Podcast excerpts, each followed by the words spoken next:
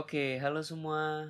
Eh, kembali lagi bersama saya Randy dan saya kali ini sendiri. Ini nggak ada teman saya. Teman saya lagi eh interview kerja sih katanya, tapi nggak tahu deh. Oke, eh, langsung aja nih perkenalin narasumber kita nih dari ya langsung aja deh. Silakan. Ngomong aja ya. Ya. Jadi eh, halo semuanya, gue Aldo, eh, temannya Randy. Iya. Gue tiba-tiba diundang nih, nggak tahu. Yoi. Kan ini bisa. Dia juga dia juga punya podcast BTW. Eh, Mhm. Apa namanya? Podcast gue di ASSC Podcast ada ya itu sih. Iya, pendengarnya udah lumayan ya. Yang ada udah lumayan lah. Iya, Pendengar setia. biasalah. Terus ya eh lu jurusannya apa gitu. Oh langsung aja Langsung nih. aja Gue perkenalan, perkenalannya. perkenalan full. Oh ya, jadi eh, semuanya buat semuanya gue Aldo, gue kuliah di Universitas Bakri Jakarta di Kuningan. Mm-mm. Gue ngambil jurusan ilmu komunikasi. Mm. Eh Makanya itu lu ikut pot, eh, bikin ya makanya podcast. gue ya? punya podcast ya bener Nah. sih. Nah itu dia, itu termasuk. Heeh. Nah kemudian juga gue eh, kebetulan memilih peminatan jurnalistik. Oh gitu. Jadi ada penjurusannya lagi gitu. Mm-mm. Hmm, Kalau oke. di kalau di kampus gue sendiri sih di Bakri emang emang ada langsung penjurusannya di Mm. semester 3 di semester 3. semester 3 Oke. Jadi di semester 2 itu kita nanti di apa ya ada dikasih mata kuliah itu namanya pengantar. Hmm. Pengantar marketing communication, pengantar eh, corporate communication sama pengantar eh, jurnalistik multimedia. Itu itu di awal-awal kuliah atau itu Iya, udah semester 2. Jadi itu udah buat se- semester 2 jadi udah penjurusan langsung gitu. enggak semester itu kayak apa ya? Kayak lu nyoba nih. Hmm. Jadi kita tuh kayak dikasih tahu dulu oh kalau mau ke marketing kayak gini, oh kalau corporate communication gini, oh jurnalistik gini. Jadi Mm, dari tiga peminatan itu kita dikasih tahu di situ kan karena kan namanya pengantar mm, supaya kita ntar ah eh, kayaknya gue lebih enak di sini aja nih di marketing oh gue enaknya di sini di sini Hmm. gitu jadi emang kita bisa memilih gitu Oh gitu. Terus eh, berarti itu di semua universitas, maksudnya secara general di Indonesia atau cuman di universitas lu? kayaknya sih kalau di kalau di Indonesia sih kalau swasta juga biasanya emang langsung ada peminatan tapi Hmm. kalau di kampus negeri atau PTN biasanya eh, peminatannya di akhir kalau udah mau skripsi atau apa ya Oh. soalnya kan kalau PTN eh, gue nggak tahu Iya. bukan bukan ranah gue tapi intinya iya. pasti Tapi ya secara general gitulah ya. ya dan pasti maksudnya ada ada peminatannya itu Hmm. kemungkinan besar paling bedanya itu eh, ini broadcasting Broadcasting. iya Oke. jadi mungkin dia nggak ada jurnalistik tapi dia adanya broadcasting Hmm. nah gitu Oke, j- berarti s- cuman beda secara namanya doang. enggak jadi kalau broadcasting eh, jadi kalau broadcasting sama jurnalistik ini dia masuknya ke media massa namanya Mm-mm. Nah, cuman kalau ke broadcasting yang gua tahu nih ya, eh, itu lebih ke program-program TV, radio kayak gitu. Hmm. Terus eh, ya kalau yang apa ya, pokoknya kru-kru yang on stage atau di backstage-nya TV itu, nah itu tuh namanya anak broadcasting. Oh, tapi jurnalistik itu bukan kayak gitu juga. Bukan. Jadi kalau Beda. jurnalistiknya eh, lebih ke apa ya namanya ya? Berita.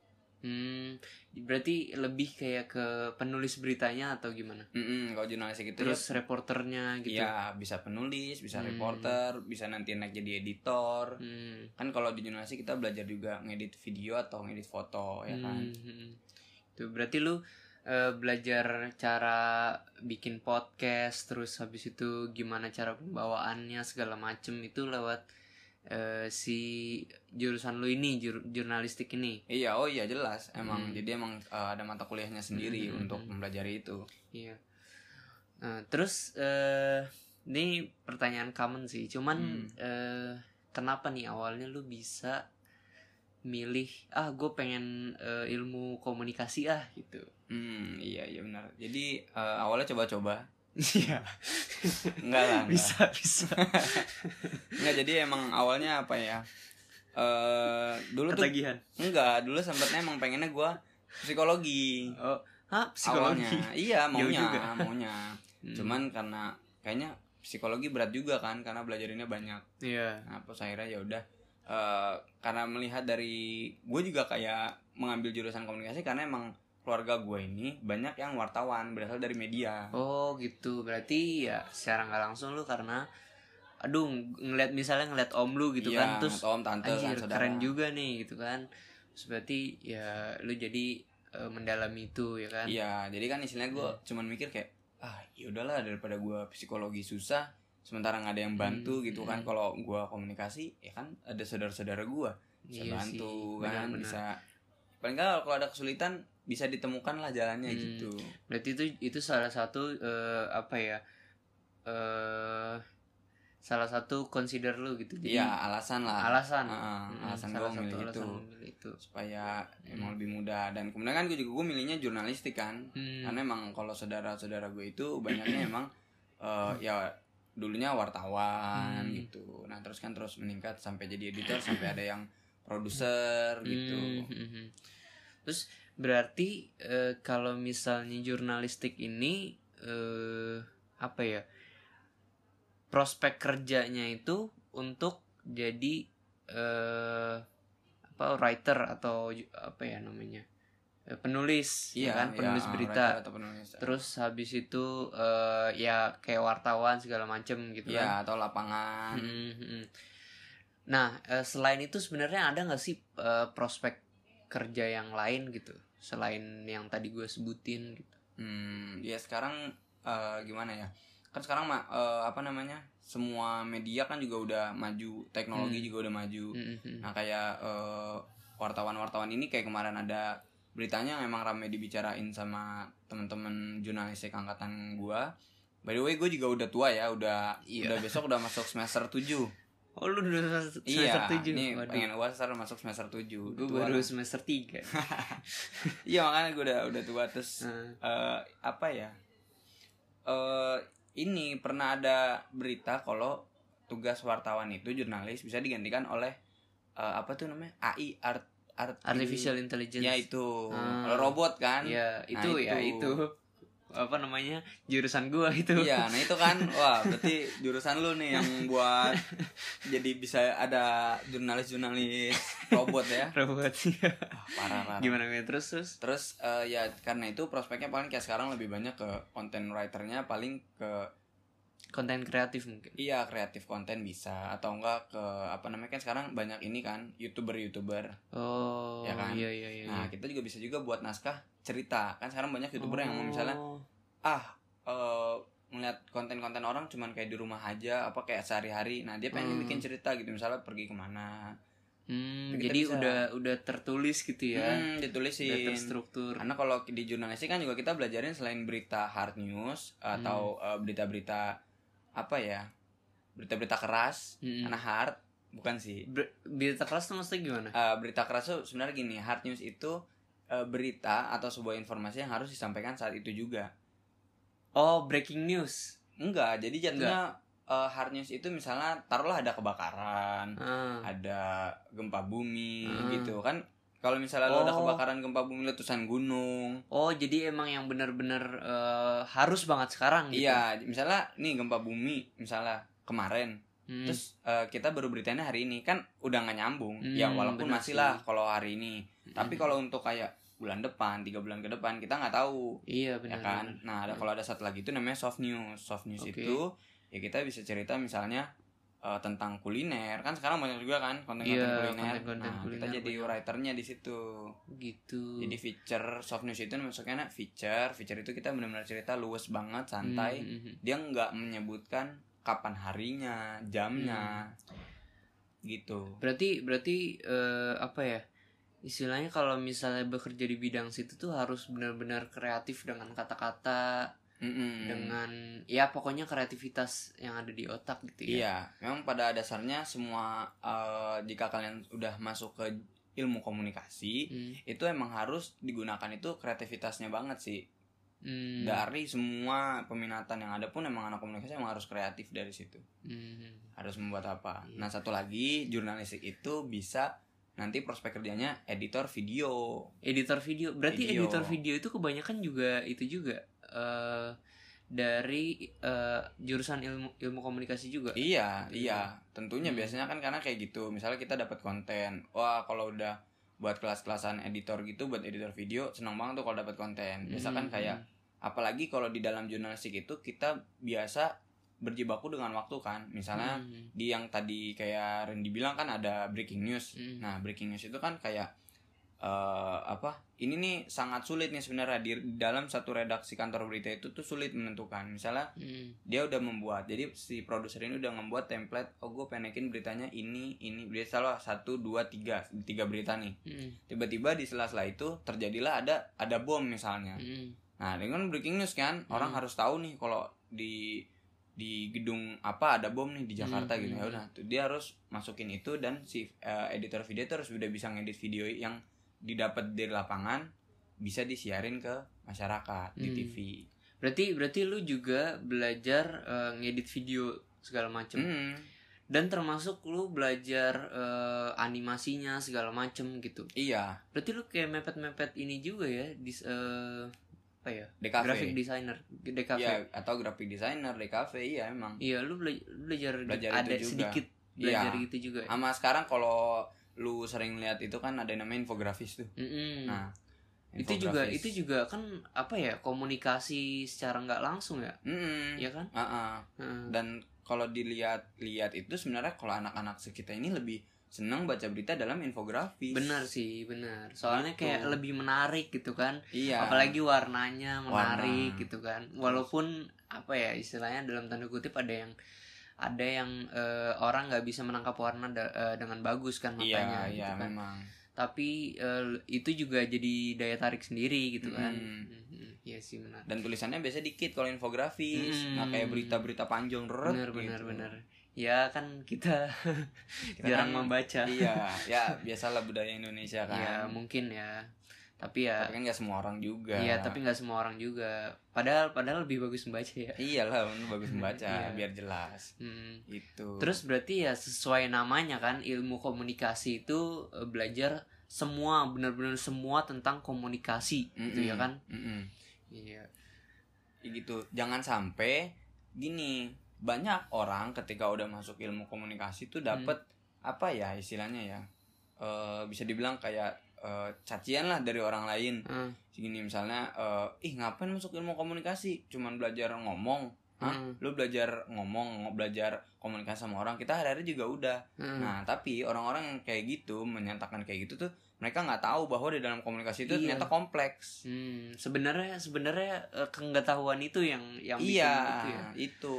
Hmm. Kan kan kadang-kadang orang kayak wah underestimate banget sama uh, ilkom lah, sama ilmu komunikasi Hmm. tuh kayak kayak gitu. Terus terkadang juga kan ilkom nih, Heeh. ilmu komputer sama ilmu, Ilmu komunikasi. Kadang-kadang iya. juga suka apa namanya suka gimana ya? Lu pernah nggak sih kayak eh, lu ditanya nih jawab eh eh lu kuliah apa nih? Terus lu jawab ilkom gua Mm-mm. gitu kan. Terus habis itu eh, si lawan bicara lu itu bilang oh ilmu komputer gitu kan Mm-mm. dengan dengan kayak Yakin lah antusias gitu, gitu, ya kan.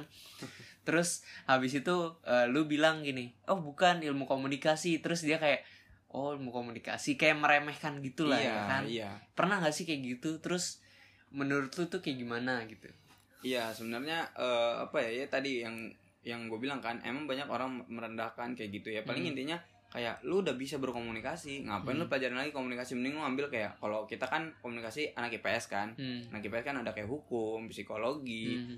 Eh, sastra atau apa. Mending lu ngambil yang kayak gitu. Tapi Iya. kan eh, di balik itu emang kayak mungkin kalau anak komun- eh, komunikasi emang nggak bermain di ranahnya kayak komputer, mungkin nggak Hmm. ngoprek-ngoprek, nggak tahu iya iya iya istilahnya ya mungkin kalau anak komunikasi kuliah cuman bawa badan aja Hmm. itu it's okay beda sama Hmm. anak-anak komputer anak iya, iya. teknik Hmm. mesti bawa-bawa kan kalau anak komputer kan harus bawa komputer mana maksudnya iya laptop komputer lah laptop iya mana kan misalnya dia belajar Kalau komputer kalau komputer susah juga dia iya nah kalau di emang pak apa ya ilkom ilmu komputer sama ilmu komunikasi itu eh sering kali kan emang orang nyamain gitu kan kalau misalnya kita Hmm. bilang ilkom oh ilmu komputer Hmm. Nah, makanya kan sekarang kalau di Indonesia itu kebanyakan TI atau SI, oh iya benar benar teknik informatika atau sistem informatika. Hmm. Gitu. iya sih Dan di, di di gelar sarjananya juga nanti beda. Hmm, hmm, Kalau komputer Skom, kalau Hmm. kita komunikasi SIKom. oh SIKOM tuh sarjana ilmu Ilmu komunikasi, Kalau Oh. Skom kan sarjana Sarjana komputer. Ah, iya iya. Komputer doang dia nggak laptop. Iya. Iya kan? Berarti nggak bisa main bisa laptop, main laptop. Iya, iya. gitu. Gue nanti nggak bisa main laptop nggak bisa Nggak lu bisa. eskom kan? Eh, berarti ya intinya itu don't judge a book by its cover lah ya. Iya betul. Karena sebenarnya emang ilmu komunikasi itu nggak bisa disepelein itu kan. Karena Hmm. dia juga entarnya itu bekerja de- eh, apa ya di garda tuh paling depan ya kan. Karena Iya, langsung berkomunikasi dengan eh masyarakat ya siapa siapa pun itu iya masyarakat halayak kan. audiens Mm. dan jadi emang kan komunikasi itu sangat kompleks ya kalau di mata kuliah gue itu kemarin ada Hmm. kayak komunikasi organisasi komunikasi lintas budaya komunikasi antar pribadi Mhm. Ya banyak lah dan kayak gitu-gitu psikologi komunikasi Ny- nyata gue belajarin juga psikologi komunikasi Ada juga? ada juga berarti berarti eh, cita-cita lu menjadi Psikolog? psikolog, itu tercapai iya juga? tercapai lah ada juga karena include dan komunikasi itu di- sebagai gua juga jurnalistik itu eh, apa ya namanya Eh, kita belajarin semua tapi nggak spesifik Hmm. jadi apa sih istilahnya kalau dosen gue bilang itu eh, generalis spesialis apa iya generalis spesialis pokoknya kita general Hmm. belajarin general tapi kita nggak spesialis kita tahu semua bidang Mhm. tapi nggak nggak spesifik Nggak spesifik gitu Iya, terlebih kayak Hmm. gua eh, apa namanya? Jurnalisnya gua kayak gua belajarin ekonomi, politik, semua lah, semua hal gua belajarin kan. oh lu belajar politik juga Politik juga, Hmm. psikologi juga kan, organisasi. berarti emang bener sekompleks itu juga ya Iya. Hmm. Jadi kalau komunikasi itu sebenarnya bukan hanya aja lu berbicara sama orang lain Hmm, tapi Lu- bagaimana lu menyampaikan suatu informasi dengan Mhm.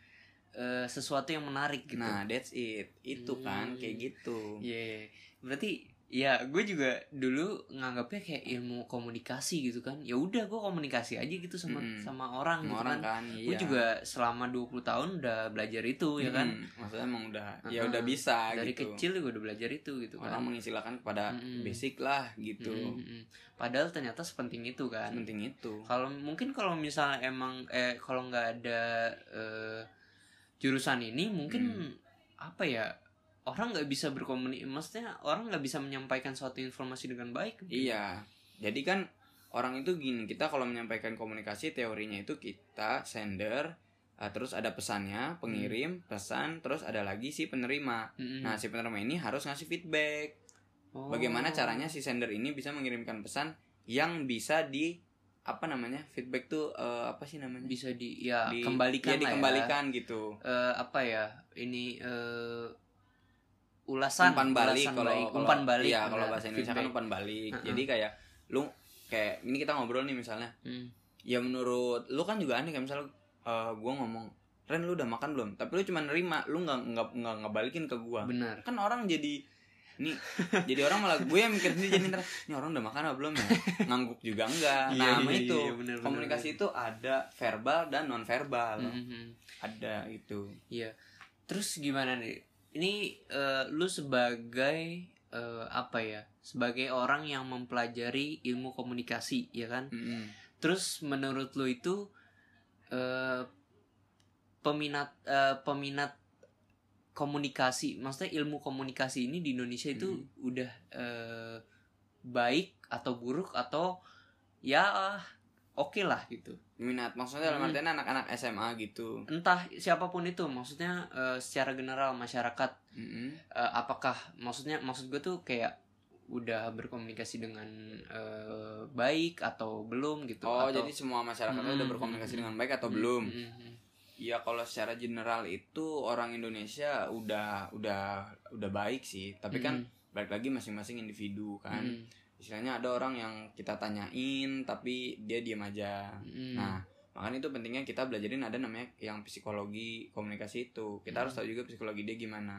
Taruhlah orang lagi bad mood, kita Mm. ajak ngobrol pasti responnya beda sama kita. iya iya iya benar benar Nah, tapi kebanyakan karena orang nggak mempelajari itu, orang tuh terus maksa, tetap benar maksa. sih benar Kayak misalnya, simpelnya kan eh, lu sama gua nih, eh lu lagi malas ya orang kan kita punya apa namanya? Kita punya apa ya rasa bad mood, rasa bosan iya kan, iya kayak, iya iya. ah gua Lagi- mau sendiri nggak mau diganggu. ya mood lah mood Iya. pasti naik turun Naik kan naik gitu mood kan naik turun. Nah Mm, terus gue gua maksa nih ngobrol ng- ngajak ngobrol lu atau nggak Hmm. misalnya ya Ren main ya lu pasti marah kan iyalah itu nggak dimengerti sama orang-orang Hmm, hmm. tapi sejauh ini emang orang Indonesia itu kayak yang memang paling sopan juga kan jadi ya menurut gua komunikasi emang ini banget sih sama orang Indonesia tuh udah udah melekat generalnya- banget lah ya. Iya udah melekat. Hmm. kan kayak eh, apa namanya memang budaya Indonesia sendiri yang mengajarkan bahwa kayak kita lewat di depan orang eh, agak nunduk. Hmm, agak nunduk terus agak- say hello ya iya kan? setiap ada apa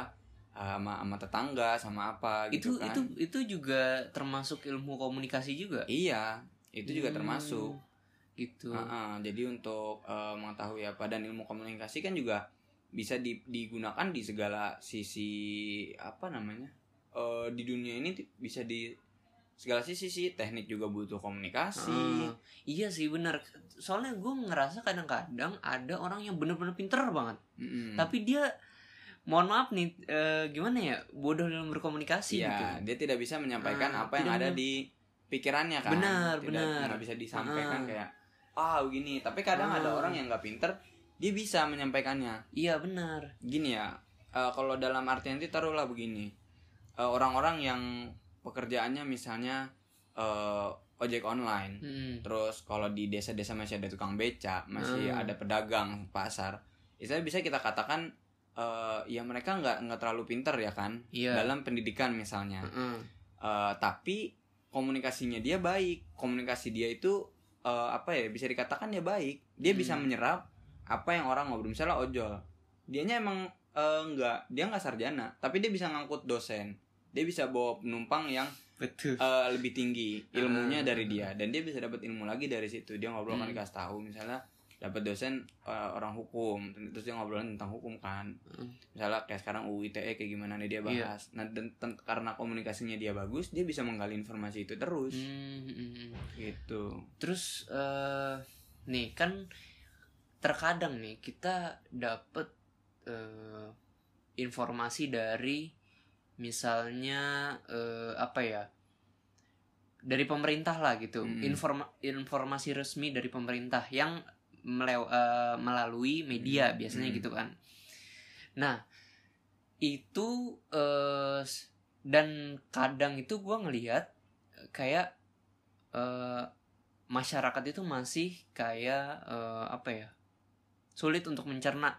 Istilahnya eh, jadi informasi yang disampaikan itu terkadang eh, beda sama Hmm. apa yang dicerna eh, masyarakat sendiri gitu kan.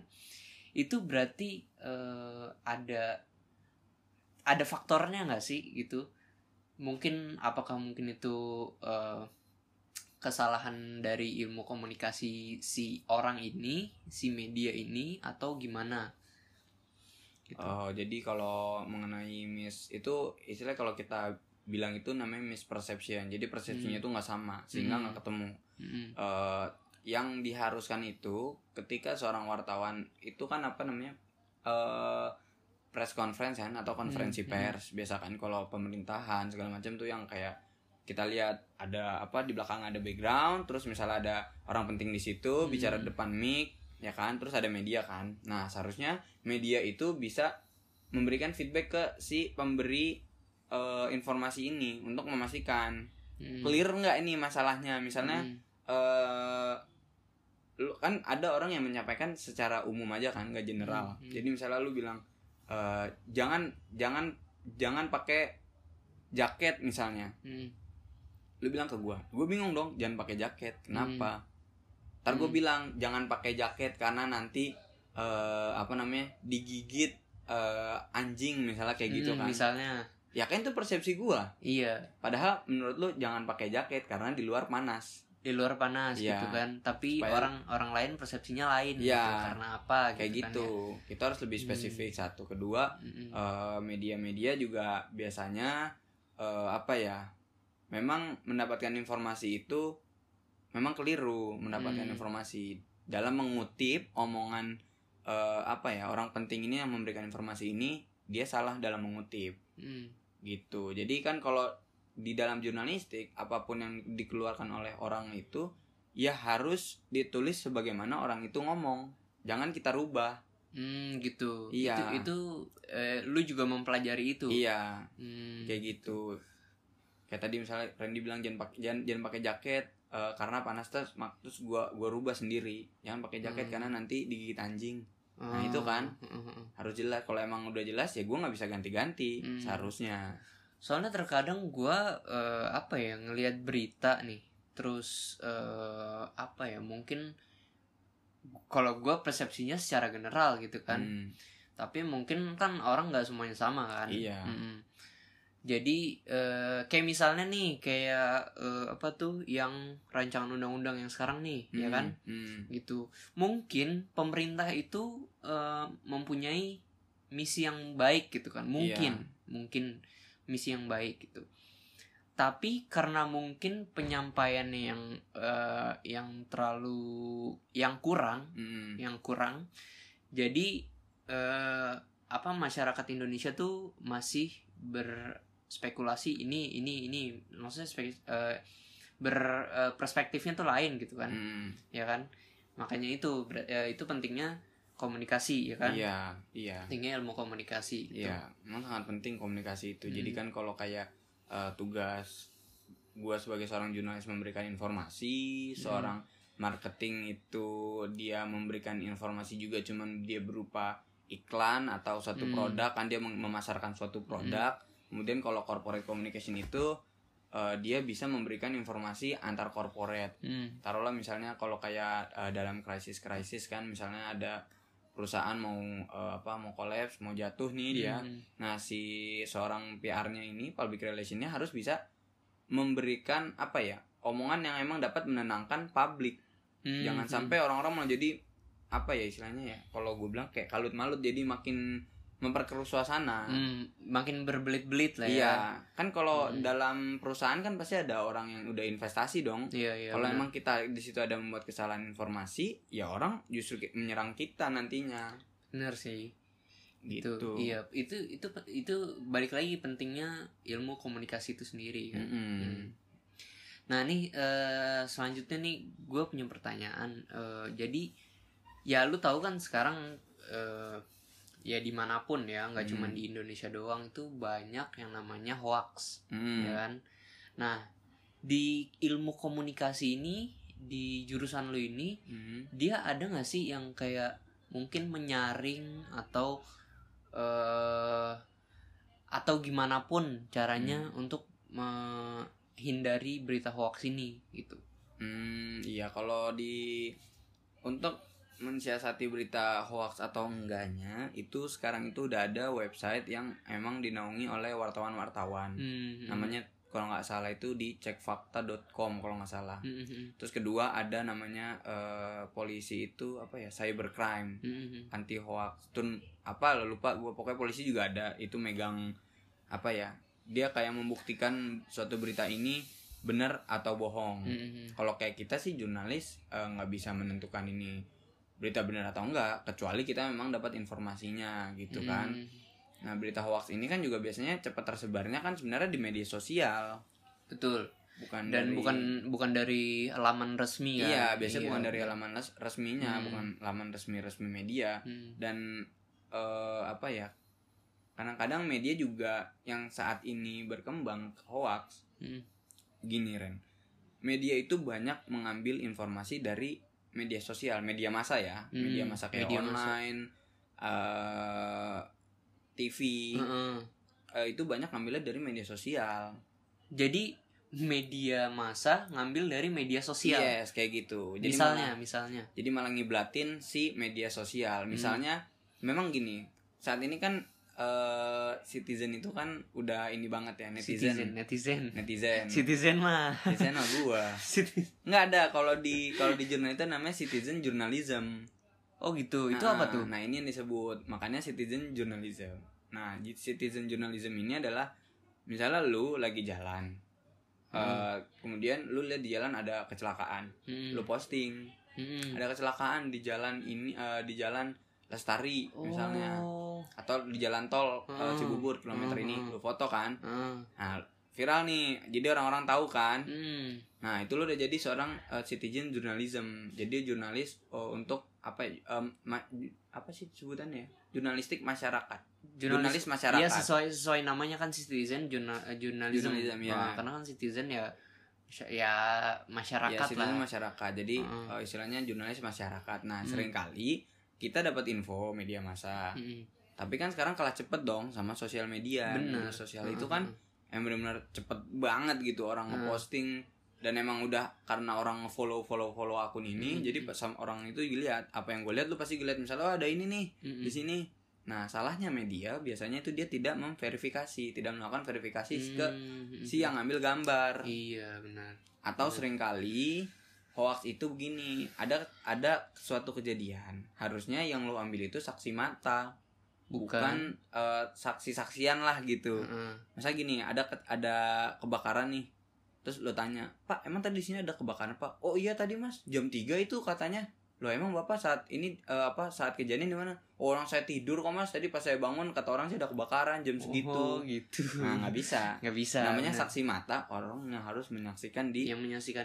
langsung yang di TKP-nya Iya, gitu ya di kan? TKP Hmm. nah itu kurangnya makanya Hmm. adanya berita hoax Tapi ya gue menurut gue terkadang itu berita hoax itu lebih apa ya istilahnya lebih informatif gitu lebih apa ya lebih menarik untuk di eh, cerna Di- otak ya, gitu iya. lebih mudah gitu karena kan. emang ada something different juga kan Hmm. yang satu buat tertarik sama yang kedua itu ada namanya clickbait itu apa tuh clickbait itu gini eh, ini adalah sebuah siasat di mana media online mencari uang di situ targetnya komersil Oh, komersialisme gitu. bagi media itu sendiri Hmm, ya berarti ya untuk keuntungan sendiri lah ya Iya. gitu ya.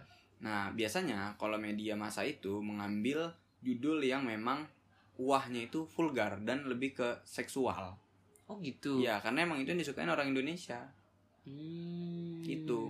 Kalau lu buat judul apa dengan yang berbau-berbau seksual itu, orang Indonesia itu cepat ngeklik. Cepet ngeklik. Ya, dan kemudian trik kedua media online itu dia membuat beberapa halaman Mm. beritanya dia. Jadi artikel dia itu dibikin kayak sedikit tapi ntar ada berapa halaman. Nah, Mhm. itu itu karena nanti bakal terhitung kalau orang baca sampai akhir orang baca cuma satu halaman dua halaman nah itu ntar akhirnya jadi uang buat si medianya ini sendiri lagi iya juga sih benar. iya karena kadang kayak yang juga. apa ya yang kayak sekarang banyak lah judul-judul berita misalnya eh, apa yang pakai duh eh, apa namanya ini ini ini ini terus eh, apa nomor 5 mengejutkan kan kayak Hmm, gitu kan hmm. bakal Iya, berita benar, di. Indonesia kan Benar. tapi pas kita buka kayak Kayak di eh, Line Today ya. ah Line Today kan Today. itu kayak wah yang kayak judulnya bener-bener ini banget kayak nendang Menarik banget, banget gitu ya. Hmm, tapi pas kita baca Hmm. ya ilah Ya ilah gitu. Ternyata cuma informasi tentang itu. iya Tapi ya secara nggak langsung berarti itu menguntungkan si ininya Si si medianya. si medianya ya kan. Hmm, Iya benar. gitu Mm. Nah ini buat yang denger nih eh, harus perhatiin ya soalnya emang hoax itu bener-bener impactnya itu bener-bener gede banget kan. iya Kayak- bener. Lu salah sedikit pun emang bener-bener eh, mungkin satu Indonesia kali gitu iya kan ya. jadi jadi salah kaprah jadi salah Mm, semua Jadi salah semua bener. Mm. Dan ini biasanya dimulai kebanyakan itu dari grup keluarga. iya betul memang memang itu sangat apa ya rentan Ah, sangat rentan banget Iya. emang har- eh, apa ya benar-benar parah deh pokoknya Iya. gitu Nah Hmm. untuk eh, pendengar juga harus ini ya kan sekarang itu ada namanya agregator. Hmm. Agregator itu apa ya pemersatu media-media yang ada. Hmm. Jadi kita itu disarankan saat ini jangan hanya membaca di satu media Hmm, hmm, hmm, oke gitu. Jadi kita berarti harus memastikan. berarti ya misalnya lu baca di eh, website A terus lu harus Mm-mm. eh, kayak baca lagi di website B gitu kan Iya, ya. nah itu. ini bener sinkron gak gitu ya, kan tapi masalahnya terkadang gue itu eh, me- apa ya menemukan mm-mm. Si website ini sama si website satunya lagi itu benar-benar sama itunya apa namanya eh, isinya. oke lah judulnya beda gitu kan Hmm. tapi isinya benar-benar sama gitu jadi gue terkadang aduh kok benar-benar sama gitu kan terus Hmm, gue berpikiran oh mungkin ini benar gitu kan hmm. jadi ya udah mungkin eh, apa ya namanya kesalah kaprahan ini ada karena itu juga mungkin ya iya mungkin karena itu juga Mm-mm. karena emang biasanya media udah ngambil dari media lain juga kayak saling yaudah gue ngambilnya di lu deh Hmm. media B ngambilnya di A aja gitu Hmm. toh sama gitu Nah, terus eh, kayak apa ya? Yang menarik sih menurut gue tuh copyright.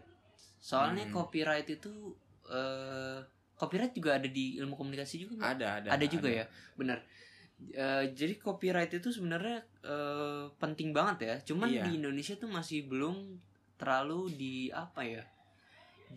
Belum terlalu di- gitu. iya belum ditaruh tekenin Soalnya kayak banyak pemalsuan gitu kan segala macam untuk Mm-mm. eh, untuk eh, apa ya namanya istilahnya untuk itu sendiri untuk eh, keuntungan sendiri gitu. iya jadi emang kalau di Indonesia ini masih kurang sih untuk copyright eh, apa masalah copyright ini karena kalau di kita berita biasanya kalau kita emang mengambil berita dari media lain itu Mm. kita harus menuliskan melansir Mm. dari media Mm-mm. kayak gitu Eh, berarti kayak misalnya YouTube YouTube termasuk media ya? ya YouTube, termasuk media, juga. YouTube, Spotify, ya segala macam itu pokoknya termasuk media, sosial itu sekarang udah bisa menjadi ini media massa. ya jadi media bukan Ya, bukan media massa cuman apa ya kayak itu bisa jadi sumber informasi buat media massa Hmm, hmm, hmm. jadi kadang-kadang apalagi kayak transfer bola kan Hmm. transfer bola biasanya ngutipnya dari Twitter tuh jadi mengutip dari Twitter at ini ini ini, ini Hmm. bahwa misalnya ada uh, rumor transfer uh, si ini ke sini gitu Iya, itu biasanya sepak bola gitu Iya, ya. jadi Hmm. emang kita harus tetap menyertakan dikutip dikutip dari Hmm. ini segala macam. Iya. Dan itu itu juga copyright juga benar-benar nggak bukan masalah sepele kan? iya Sebenarnya ya. iya Karena emang gue personally gue dulu pernah eh, pas gue masih baru awal-awal di Jerman itu Mhm. gue pernah apa ya eh jadi gue nggak tahu gimana gue eh gimana detailnya gue nggak tahu Hmm. cuman tiba-tiba satu rumah gue itu maksudnya gue kan tinggal rumah bertiga kan sama Hmm. temen berempat deh sorry berempat sama teman-teman gue gitu Mhm. tiba-tiba dapat surat eh apa kalau kita harus bayar 900 euro apa 1000 euro gitu Wah. untuk bayar copyright Wow. karena kita mungkin gua nggak tahu gimana cuman Oh. ada yang ke download film atau segala atau nggak tahu gua secara ilegal gitu Hmm. Jadi, bener-bener menurut gue tuh copyright emang bener penting banget dan itu eh apa ya dan itu penting untuk kedua pihak gitu Iya. untuk pembeli dan si penjualnya itu Iya. ya kan istilahnya gitu kayak misalnya konten kreatif gitu juga kan harus menurut eh, ya harus dilindungi sama Iya, copyright itu iya. sendiri ya kan Ah, jadi kan eh, kayak balik lagi sih biasa yang pakai konten-konten gini ya kita di dunia komunikasi kan ya yang tadi gue bilang kan jadi editor video. Hmm. oke editor video tapi lu nggak bisa eh, memilih lagu yang emang copyright. Hmm, yang bener-bener itu. Full, lagi di gitu kan. iya. Biasa kalau kayak dalam-dalam eh, apa ada batasnya misalnya hanya 10 detik. Hmm, hmm. paling maksimal kalau nggak salah gua itu eh, 30 detik eh itu kalau ngut- eh, lagu di di mana aja di mana aja Di semua mana aja? media 30 detik itu di Indonesia atau di eh, seluruh dunia atau yang gue tahu sih itu reg- regulasi Indonesia Regulasi 30 Indonesia. detik misalnya ada Hmm. lagu nih satu lagu kan eh, biasanya satu lagu kan 30 eh 30 lagi 3 menit Mhm. nah batasannya cuma 30 detik buat kita ambil Mhm. entah musiknya entah lagu liriknya Hmm. gitu kalau kalau di Instagram sih yang Instagram musik itu dia Hmm. biasanya cuma 10 detik kalau nggak salah deh oh malah 10 detik Ah, doang kan 10 Instagram detik doang. cuman gua nggak tahu di Indonesia ada apa enggak enggak Kayaknya- sih kayaknya kayaknya enggak ya enggak ada soalnya seinget gua itu emang di eh, emang Instagram Indonesia itu jadi terhalang sama copyright gitu hmm. jadi nggak bisa ada eh, Instagram Music Instagram gitu. Music itu ya? Iya, yang di story kan tuh biasanya ada kan oh kalau iya orang benar gitu tapi gua nggak tahu deh kalau Ah. di iPhone bisa apa enggak kalau di gua Gua nggak gua bisa nggak bisa juga Nggak sih kalau pas, kalau di pas di sini. pas di Indo nggak oh bisa iya gua. berarti emang Hmm. belum tersedia Belum Maksudnya tersedia, bener. karena ngurus copyrightnya mungkin belum mungkin belum sampai mungkin ya selesai gitu ya menarik juga sih sebenarnya untuk bahas copyright itu sendiri gitu kan Hmm. karena nggak sepele itu sebenarnya. Iya memang. Soalnya kalau misalnya ini misalnya pendengar eh, punya ide nih ya kan? Mm-mm. terus eh, apa namanya idenya itu istilahnya udah bocor lah ya. Mm-mm. dan apa dia tuh belum belum punya copyright istilahnya gitu kan. Hmm, nah itu nggak ada perlindungan hukumnya ya iya, kan benar kan? kalau emang kita Itu- patenin. Heeh, benar kan? Dan dan itu apa ya istilahnya itu eh, benar-benar ini banget bahaya banget gitu kan. Karena betul. kreatif kan sekarang tuh benar-benar ini banget. Mahal. Mahal. Kreativitasnya Nah, mahal. kreativitas kreativitas dari dulu emang mahal gitu kan. Iya. Tapi sekarang tuh kreativitas itu sangat merajalela di mana-mana gitu. Kan Mm-mm. youtuber banyak podcaster banyak ya iya. kan? Gitu. Konten-konten kreator lah. Hmm, konten kreator itu udah banyak dan eh, ya gitu deh gitu. Heeh, emang banyak. Itu iya terus eh ini yang yang biasanya sih menarik sih Hmm. untold story dari eh, si jurusan ini yang orang-orang ya tadi sih banyak sih yang orang-orang nggak tahu juga ya Hmm. tentang itu cuman kayak eh, apa ya kayak yang bener-bener orang-orang kayak lu se Indonesia emang nggak bakal tahu ini tentang ini gitu loh Gila se Indonesia enggak enggak juga sih. Heeh. Mungkin juga ada beberapa yang tahu ya. Mm, Ya yang pertama sih, ini menurut gue juga lucu juga. mm, Untold story-nya itu ya kalau eh bagi karena waktu itu gue mempelajari namanya presentasi multimedia, mm, gue baru tahu bahwa orang-orang yang ada di apa namanya layar berita itu Hmm. yang duduk khususnya biasanya tuh dia pakai ya emang pakai celana celana santai aja jadi mereka Hmm. rapi hanya di atasnya pakai jas dari kaki ke atas tuh. Oh iya. Iya cuman jas ya kan tapi biasanya. tapi unik sih emang keren sih. Karena biasanya gini suatu media itu kadang-kadang dia membayar hanya orang eh, untuk pembaca namanya apa ya gue lupa. Ya kayak sejin eh, eh, host. Anchornya? Anchor ya. Anchor.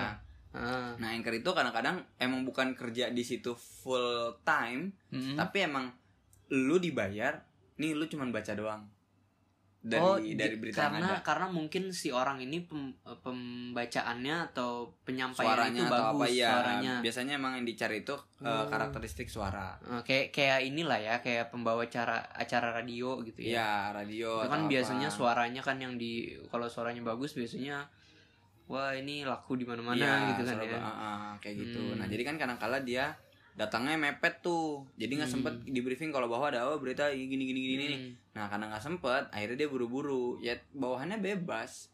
Oh gitu. Mau dia pakai celana pendek atau tapi dia lagi tapi itu emang nggak kelihatan ya? Ya emang nggak kelihatan. Nggak kelihatan sama sekali nggak kelihatan. ya kelihatan yang orang-orang di studionya tahu oh dia cuma pakai Hmm. celana pendek gitu. Atau dia pakai celananya sebenarnya skinny jean gitu kan Oh iya pembawa pembawa berita itu kan Iya. karena kan emang ditutupin meja Iya. kan kecuali emang dia yang kecuali yang berdiri berdiri kan ya gitu. di- memang kan beberapa media makanya pembawa acaranya berdiri Hmm. nggak duduk iya kayak iya gitu iya menarik juga sih. Heeh. terus eh, ya sebenarnya masih banyak sih kayak eh, khususnya di gua jurnalistik itu ternyata banyak eh, apa ya tugas-tugas yang memang ribet bukan ribet sih Hmm. dibilang apa ya dikatakan yang tidak sesuai ekspektasi eh, gua dan juga teman-teman gua. Heeh. Jadi tidak kayak- semudah itulah ya. Iya tidak semudah itu Ferguson. Ferguson. Iya kan? Jadi dulu gue cuman mikir ah wartawan mah enak. Cuman karena gue berpikir dulu wartawan tuh kayak yang cuman nunggu di depan eh, apa namanya kayak kantor-kantor polisi. Hmm. karena di kantor polisi kan pasti ada kriminalitas kan? Hmm. maksudnya pasti ada yang masuk dengan kasus apa. Hmm. kita wawancara nanti. Terus kayak Hmm. di gedung-gedung KPK gitu kan istana negara. Tapi di istana sih nggak bukan bukan wartawan sembarangan sih itu biasa kontrak per tahun kalau di Hmm. istana.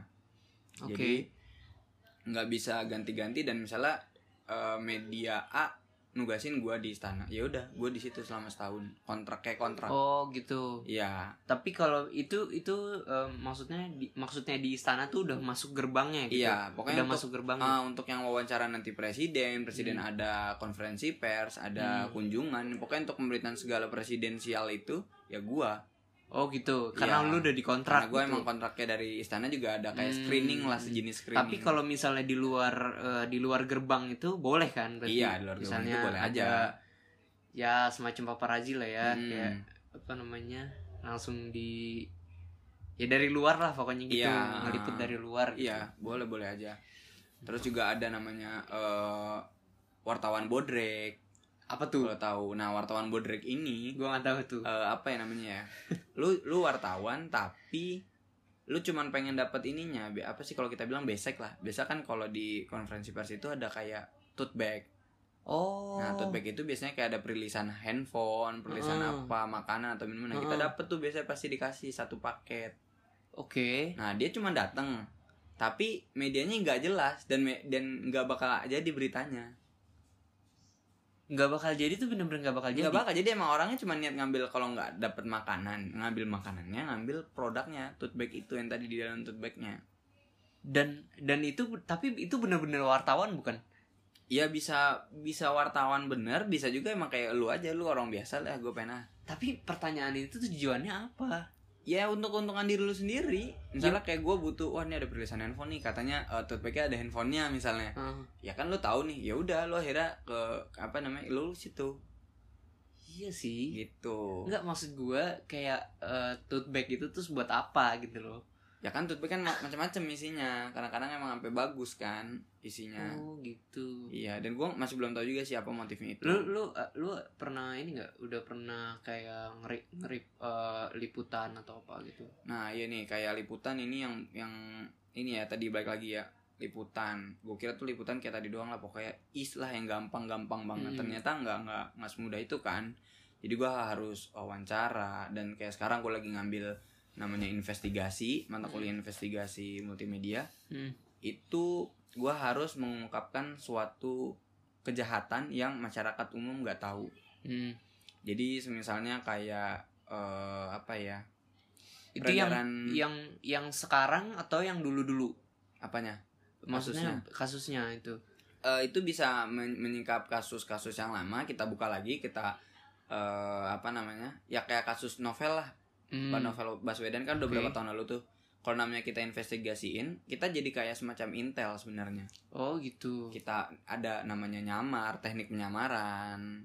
Dan lu belajar juga? Gue belajarin itu. Oh teknik gitu. penyamaran dan kita emang bertaruh akan nyawa kita di situ istilah kita Oh, pengen Jadi mengungkap benar-benar nggak main-main itu ya? nggak main-main Nggak main-main. sulit juga Hmm. jadi kita emang misal pengen ngungkapin eh, apa namanya peredaran jaringan narkoba di suatu Hmm. perumahan Hmm. misalnya kan ya kayak gitu Eh, tapi kan itu semua kembali lagi karena itu eh, kita tujuannya pengen masyarakat luas itu tahu bahwa ini ada yang salah gitu loh dan Hmm. kayak gini tuh Bener-bener. jangan apa istilahnya ya ini nggak baik lah gitu Ya istilahnya misi apa ya? Misi kebenaran. ya. Kemanusiaan, ya kebenaran Kalau kemanusiaan kayak kurang gimana Ya, gitu. kebenaran Cuman lah kebenaran lah. mengungkapkan kebenaran. Iya. bener-bener.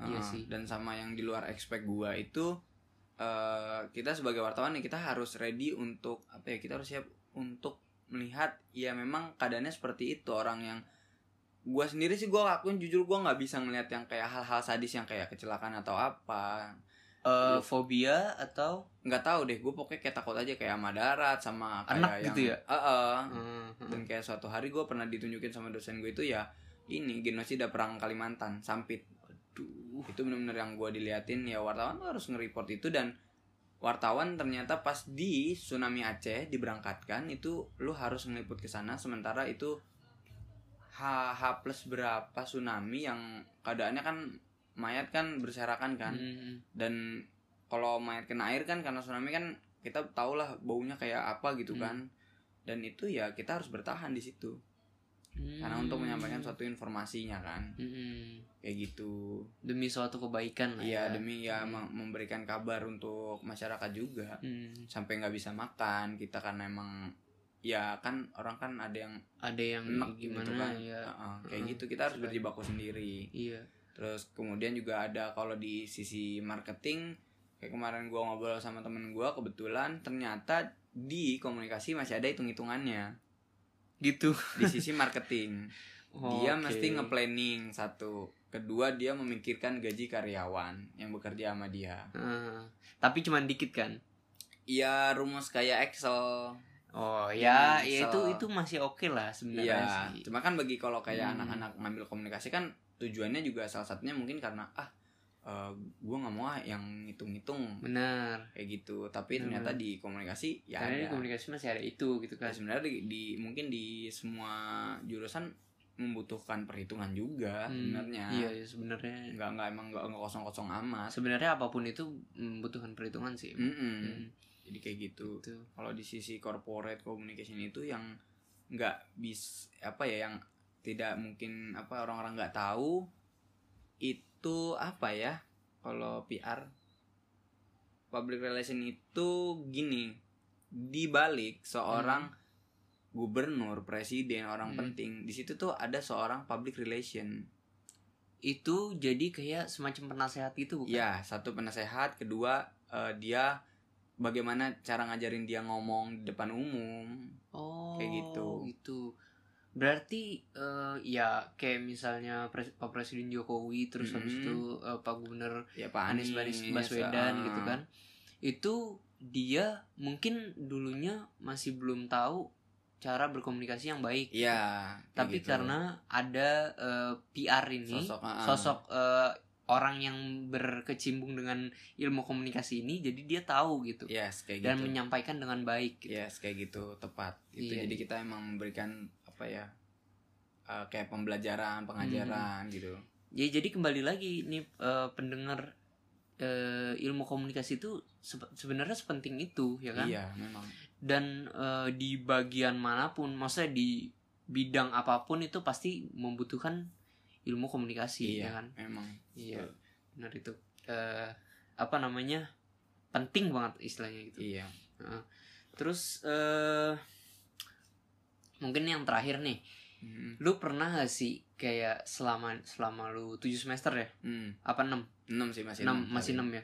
Eh, 6 semester ini kayak ngerasa aduh gue salah nih pilih eh, ilmu komunikasi atau lu mungkin ngerasa kayak di titik terendah gitu dalam mempelajari ini gitu. iya sekarang sih sekarang sekarang ini sih Hmm. di apalagi di plus masa pandemik ini kan eh, Hmm. Semua berubah menjadi online dan Hmm. kemudian pembelajaran semua berubah Mm, eh, apa ya gue sempat kayak wah gue lebih ke menyesalnya gue memilih jurnalistik karena Hmm. eh, gue melihat bahwa jurnalistik itu gue harus bikin paper gue harus riset gue harus Hmm. eh, apa namanya eh, bikin apa ya namanya Em, meriset suatu media massa yang saat ini kan emang lagi perangnya media massa kan karena mm, online mm, Eh, dan apalagi gue sekarang namanya adalah ekonomi politik. Mm. perang ekonomi politik kan sekarang. Iya, iya. ekonomi politik. Dan itu gue kayak wah berat banget sih belajarin ekonomi politik. Mm, mm.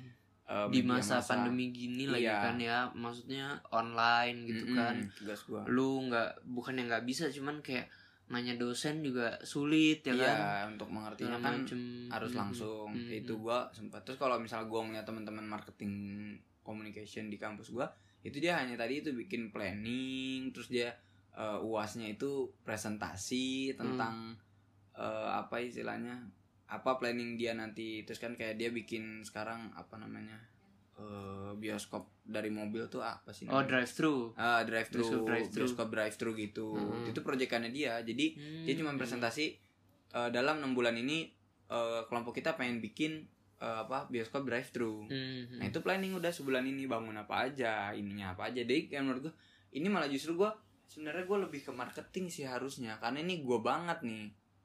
oh gitu. gitu tapi eh, berarti sekarang lu masih masih menyesali itu atau sudah ya gue enjoy aja gitu sekarang udah enjoy aja gitu Ya kalau dibilang masih sih masih, tapi karena emang udah tingkat akhir juga ya Mm. kan, udah sebentar lagi juga pengen magang. Heeh. dan kayak sekarang gue melihatnya peluang magang gue sulit Hmm. karena kan kalau kita dulu harusnya magang eh, bisa apa ya menjadi wartawan yang di lapangan Hmm. istilahnya yang orang mencari gue bisa jadi yang apa sih jurnalis ke sana kemari lah karena Hmm, juga hmm, satu hmm. masih muda kedua Hmm. gue masih magang Hmm.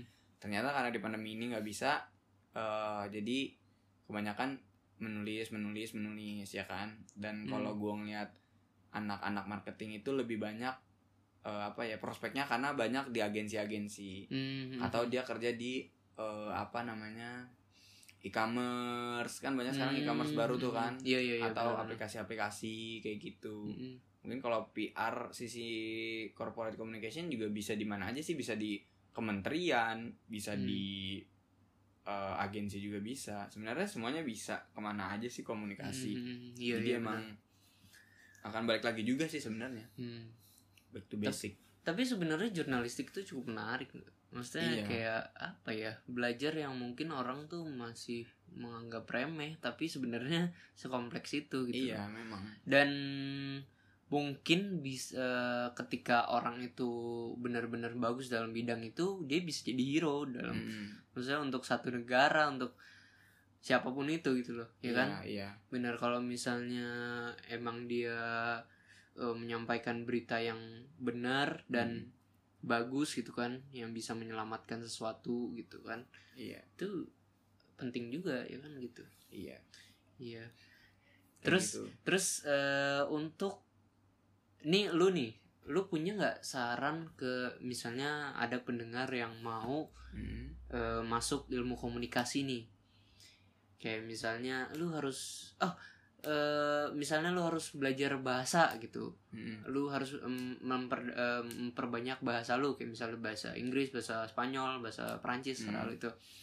Atau mungkin kayak misalnya lu punya saran apa pun itu apa? Kalau gua memberikan saran untuk para pendengar ini kalau yang mau masuk komunikasi ya. Ah, ilmu komunikasi nih. ya atau kalian udah masuk di komunikasi terus kayak kalian masih nyesel Mm-mm. saran gue itu satu kembangin aja bakat kalian potensi kalian itu bakal sangat berguna di komunikasi Mm-mm. jangan takut menyuarakan ide kalian apa pun yang ada di otak kalian segila apa pun jangan takut dianggap kayak ah nanti ide gua eh, jelek lah. ditolak gitu Ah, ya ditolak jangan Ditolak. jangan kayak gitu pede karena aja. karena emang sebenarnya kreativitas eh, creativity is not not crime ya iya jadi juga emang kreativitas itu kan bebas kan Ah, bebas Mm-mm, dan Mm. terus kayak misalnya kayak gue emang orang yang dari dulu jika gue ada pemikiran gue harus berpendapat jadi misalnya Mm. eh nih pengen ada beritanya kita bikin kayak gini gini gini eh jangan kenapa nggak kita bikin gini aja gue selalu bilang kayak gitu benar sih pro dan Hmm. kontra di komunikasi itu basic tapi Hmm. selesai lu misalnya rapat atau apa ya di luar lu biasa aja teman lagi Mm, mm, mm. di dalam Benar, itu benar. Ya lu harus menentukan emang nggak apa-apa. Eh, ini sih mungkin gue ngerasa orang Indo tuh masih banyak yang eh apa ya Eh, pembilang ya kalau gimana ya? Ah ah, susah untuk Jadi, menyuarakannya. eh, hmm, jadi kayak misalnya gue ngasih pendapat nih sesuatu gini Mm-mm. terus dia bilang oh ya udah gini aja gitu. Iya. Oh ya udah gini aja gitu kan. Mm-mm. Nggak nggak ada kayak dia pendapat sendiri nih menurut dia gimana harusnya kayak gimana gitu kan Mm-mm. kayak open minded gitu kan iya gitu jadinya orang Indonesia emang Mm. tidak open minded sih jadi Mm. kalau ada saran-saran ya cuman oh iya oh iya gitu-gitu Mm. aja Nah terus kalau untuk eh, apa ya siswa-siswa SMA nih yang yang mau masuk ilmu komunikasi nih Mm. kayak eh, dia harus harus belajar apa harus belajar apa itu sarannya apa? nah yang kedua itu tadi kan gue udah bilang kembangin potensi Mm. kedua itu kita harus belajarin bahasa paling tidak bahasa Inggris saat Hmm. ini komunikasi udah beralih cepat juga Ya, karena banyak- karena itu mungkin jadi nilai plus juga kali Iya ya. jadi nilai plus juga buat kita dan Mhm. ketiga itu ya perbanyak aja relasi Heeh. pokoknya satu di komunikasi kalian harus pede basicnya baik lagi pede jangan Hmm. takut untuk ngobrol dengan orang baru ya benar. kan karena Hmm. emang siapa pun juga nantinya bisa membantu kita juga Hmm. dan itu emang basic kita kita basic kita komunikasi kita harus bisa komunikasiin ke Heeh. orang lain juga Hmm. jadi Oke. kalau diajak main ke sini jangan enggak ah kalau ajak main ke sini ya udah ikut aja dulu gitu terus Hmm. kan kita juga bisa berkomunikasi sekaligus nantinya kita belajar kalau Iya untuk sih kalau untuk anak eh, anak siswa-siswa SMA kalau pendengarnya SMA nih anak-anak ya kalian bisa pelajarin aja itu yang penting bahasa sama eh, tadi kembangin potensi yang ada di dalam diri kalian itu aja Hmm. kan ada orang yang emang pengen jadi ini ini yang penting ada cewek pasti pengen ikut kayak Miss Indonesia Abang Oke. None Heeh. dan itu ternyata sangat berguna dan itu emang basicnya komunikasi banget nanti Betul. kita bakal diajarin gimana caranya ngomong di depan publik Ah. ketemu sama orang-orang pemimpin-pemimpin entah Betul. gubernur entah Hmm. sampai presiden itu kan Hmm. kita yang nemenin kita Iya. sebagai gambaran suatu daerah kalau kayak Abnon Abang None kan kita oh Hmm. nih eh, citra pemuda-pemudi Jakarta yang kayak gini Hmm, nah itu harus bisa mewakilkan citranya emang kayak gimana itu penting Betul sih. Emang sepenting itu ya ternyata ya. Iya. eh, apa? Ya yang yang seperti kayak kita kupas tadi itu kan itu ternyata emang eh, ilmu komunikasi itu sebenarnya kompleks. Karena emang dia bukan satu tambah satu itu dua ya kan? Iya. Dan dan kayak eh, itu semua teori dan tapi lu tuh harus mempraktekkan itu ya kan? Iya. Istilahnya gitu kan? Iya. Karena emang emang mungkin di kampus lu banyak lebih banyak praktek kali ya? Iya. Kalau di gue banyak praktek, praktek. karena kan ada lab juga gue hmm. Ya gitu. Ya eh, ini banget nih. Seru banget eh, Hmm. apa ngobrol-ngobrol sama teman SMP gua. Udah lama nggak ngobrol-ngobrol sedalam ini. Karena dia di Jerman susah ngobrolnya. Iya. Dia di Jerman sih. Gak apa-apa lah ya. Ntar lu kalau lu ke sana bilang aja. Ya nggak apa-apa. Ya udah segitu aja. Eh, terima kasih nih Aldo. Iya, udah sama-sama, nyempetin ya. banget ya. Semoga berguna nih amin. infonya. Eh, semoga berguna buat siapa pun itu Iya, buat para terutama pendengar. anak-anak SMA yang mau eh, mungkin SBM kali ya ya SBM, SBM masih. atau SNM mungkin Mm-mm. termotivasi untuk masuk eh, ilmu komunikasi, ya. Di mana pun. jadi is- eh, intinya jangan meremehkan sesuatu Iya, kayak misalnya ini eh, ilmu komunikasi ternyata bukan semata-mata cuman komunikasi doang kayak Betul. yang kita pelajarin 20 tahun yang lalu iya, gitu kan terus ya itu eh, pentingnya komunikasi terus yang kayak kita bahas tadi hoax segala macem Mm. ya kan itu itu juga dampaknya juga eh, besar, Besar, juga iya. kalau misalnya mungkin kalau misalnya nggak ada ilmu komunikasi ini dunia udah hancur mungkin ya iya, memang. gitu ya eh